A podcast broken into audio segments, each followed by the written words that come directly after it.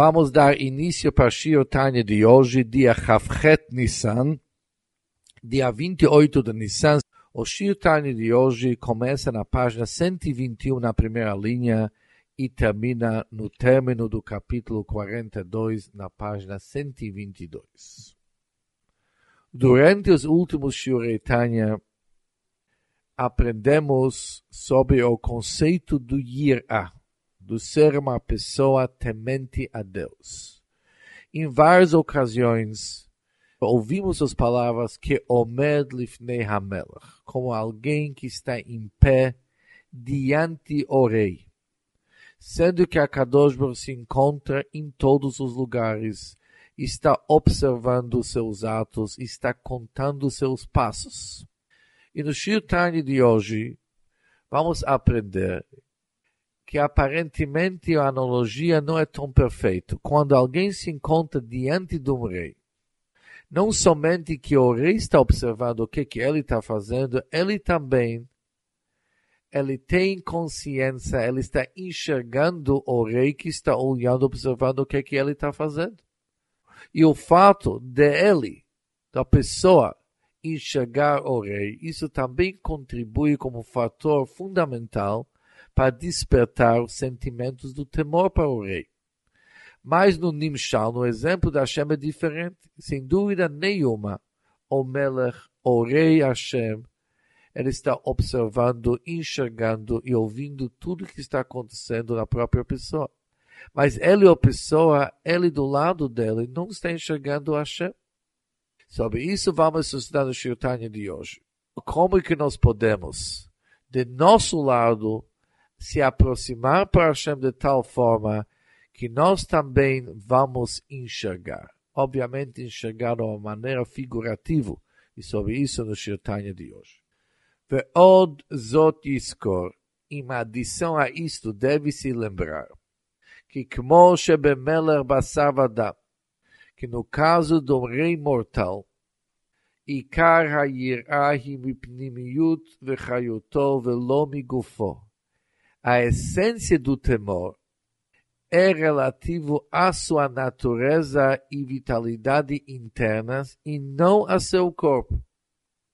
Sharei Kishiyashen. Pois quando ele, o rei, está dormindo, não há temor a ele, em Shumir Amimen, não há temor dele. Ou seja, apesar que o corpo do rei é intacto, ele é o mesmo como que ele era quando não estava dormindo. Mas na hora que o rei está dormindo, se perde aquele temor e medo dele. Ou seja, podemos concluir que o irá, o medo do rei, é mais pela sua natureza e vitalidade interna. והנה פנימיותו וחיותו אין נראה לעיני בשר. E certamente, sua característica e vitalidade internas não são percebidos por olhos físicos, somente pela visão da mente. Be'enei hasech, pela visão da mente, alidei riyat enei basar, begufo ubilvushav. Através da pessoa, enxergar e observar com seus olhos físicos a estatura e os trajes do rei.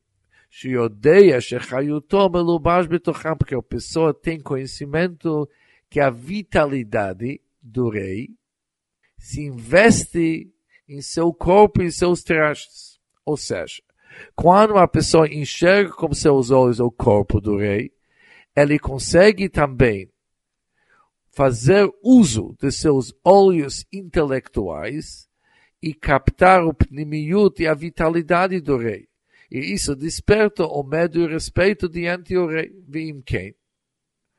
Se assim, também no Nimshal, quando queremos projetar esse exemplo sobre Hashem, também podemos aproveitar o exemplo. Kacha mamash.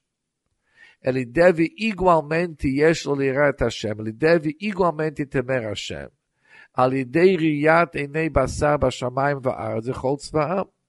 Através de ver com seus olhos físicos, os céus e a terra, e todos seus exércitos. aonde asher oren sober humelobash bemlachiotam, aonde está investido a luz da abençoado em Sof, que os anima, ou seja, da mesma maneira que uma pessoa se aproxima para a essência, para a vitalidade do rei, através de enxergar seu corpo, assim também, através de uma pessoa enxergar a terra e todos os seus exércitos, céus e a terra, aonde está investido a luz da Hashem, ele pode se aproximar para a essência da vitalidade da Hashem, aonde que ele consegue depois ganhar Yirat Hashem, temor e reverência para Hashem. E agora tem uma nota do lado do Taim, que quando alguém observa céus e a terra, não somente se percebe que existe uma força divina que sustenta céus e a terra, mas também podemos perceber o bitul, a anulação que essas criaturas representam. Também é visto com visão ocular. Que eles todos são anulados e subjugados para sua abençoada luz. De tal forma, ma'arab pela maneira que ele se prostra, cada dia em direção ao leste, quando existe o pôr do sol. Que Mamarazal, como dizemos nossos sábados ao Passuk sobre o versículo, o Tzva Hashamayim e os exércitos dos céus, Lecham Ishtarfim, eles te curvam diante de ti. Shashchina Bemar, sendo que a Shechina habita no leste. Podemos concluir.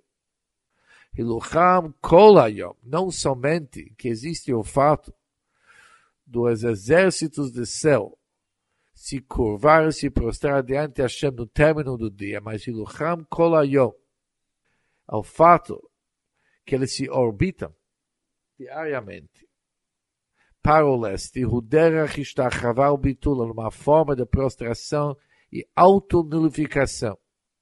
והנה, גם מי שלא ראה את המלך מעולם, mesmo aquele que nunca viu um rei, ואינו מכירו כלל, אינו o reconhece bem, אף על פי כן, mesmo assim não obstante, כשנכנס לחצר המלך, quando ele entra na corte real, e ele percebe, רואה שרים רבים ונכבדים משתחווים לאיש אחד. Ele percebe muitos príncipes honoráveis prostrarem-se perante o homem, recairá sobre ele medo tipol alav e mavafach. Recairá sobre ele medo e temor. E por isso entendemos que da mesma maneira que no Machal, no exemplo do rei humano, assim também acontece com Hashem. Através de enxergar com olhos carnais as criaturas da Hashem, e perceber que entre eles existe uma força divina que os sustenta. Isso despertará numa pessoa uma grande ira, um grande temor para Hashem. Agora Balatani vai explicar que apesar que nos criaturas a força divina foi condensada e contraído e coberto com vários vestimentos. E é capaz que quando olhamos sobre as criaturas da Hashem, pela quantidade enorme dos tzimtzumim, contrações e vestimentos que cobrem sobre a luz divina, não é tão evidente, não é tão revelado, que eles de fato derivam sua nutrição da força da Hashem. Mas sobre isso, Balatanya vai nos explicar que o ser humano ou Adam, ele deve se acostumar que quando ele olha e enxerga as criaturas do mundo, ele deve perceber que são apenas levushim, são vestimentos externos que cobrem e ocultam a força divina. E ele tem que ter a capacidade de enxergar a força divina que se encontra em nosso mundo.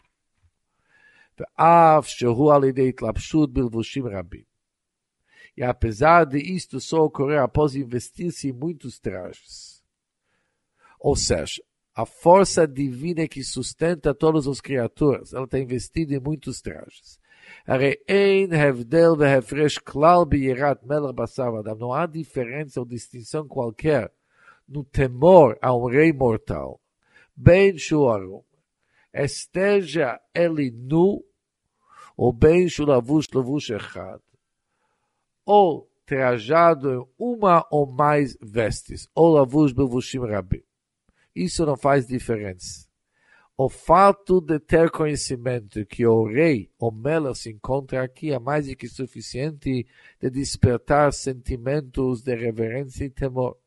Assim também, quando uma pessoa se acostumará a olhar para as criaturas da Hashem e logo perceber que o, o motivo que não está enxergado, porque aqui tem muitos levushim, tem muitos vestimentos. Mas o que que se encontra por trás de todos esses vestimentos? A força vital, logo, força vital da Hashem, logo ele vai sentir o medo, uma reverência para Hashem. Ela haikar hu ergel. O essencial, contudo, é o treino mental, da hargil da toma de habituar a própria mente e pensamento. Constantemente, liot kavua belibo mochotamit, que isto fique sempre fixo em seu coração e cérebro. Asher kol asher roe que tudo que alguém vê com seus olhos. Hashamayim ve'ha'aretz umuloa, os céus, a terra e tudo que há neles. Hakol hem levushim achitzonim shel HaMelech HaKadosh Baruch constituem apenas vestes exteriores do rei, o santo abençoado seja Hashem. E o que, que está por dentro? A vitalidade da Hashem, a força vital da Hashem. Vale dizer, Yiskor Tamid al Pnimiutam Vechayutam. Desta maneira, ele ficará constantemente consciente da sua interioridade e sua vitalidade.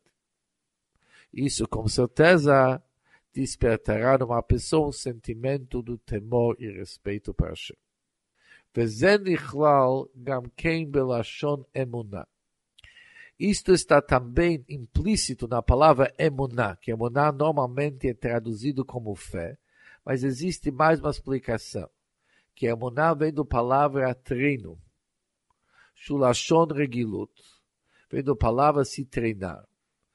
שמרגיל האדם את עצמו ao qual o homem deve habituar-se, como o man ha'amen et yadav, como um artesão que treina suas mãos.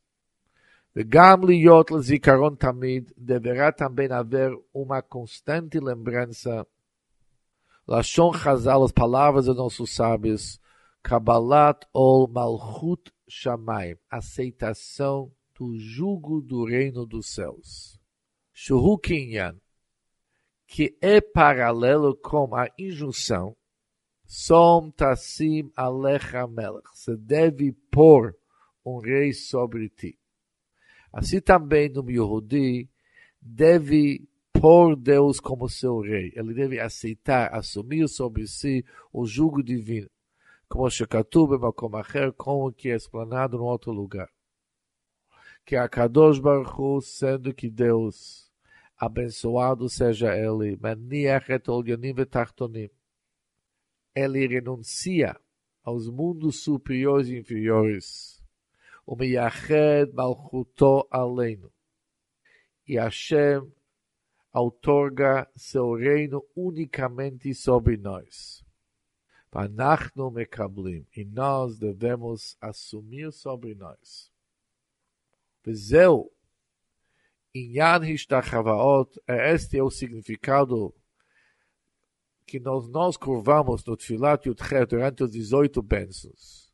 Achar Kabbalat Omachut Shaman Bedibur, após a aceitação verbal do jugo do Hashem, no recitar do Shema, Larzor o Kabel Bepoel, repetindo a aceitação desta feita em ato positivo, Vechuli, e assim por diante, conforme explicado em outros lugares. E com isso terminamos o Shirtani de hoje, onde que durante o capítulo 42 de Tânia, aprendemos muito sobre meditações, ideias sobre qual devemos contemplar, que com certeza essas ideias vão nos proporcionar possibilidades e oportunidades de sentir Yirat Hashem, reverência, temor e medo ao Deus.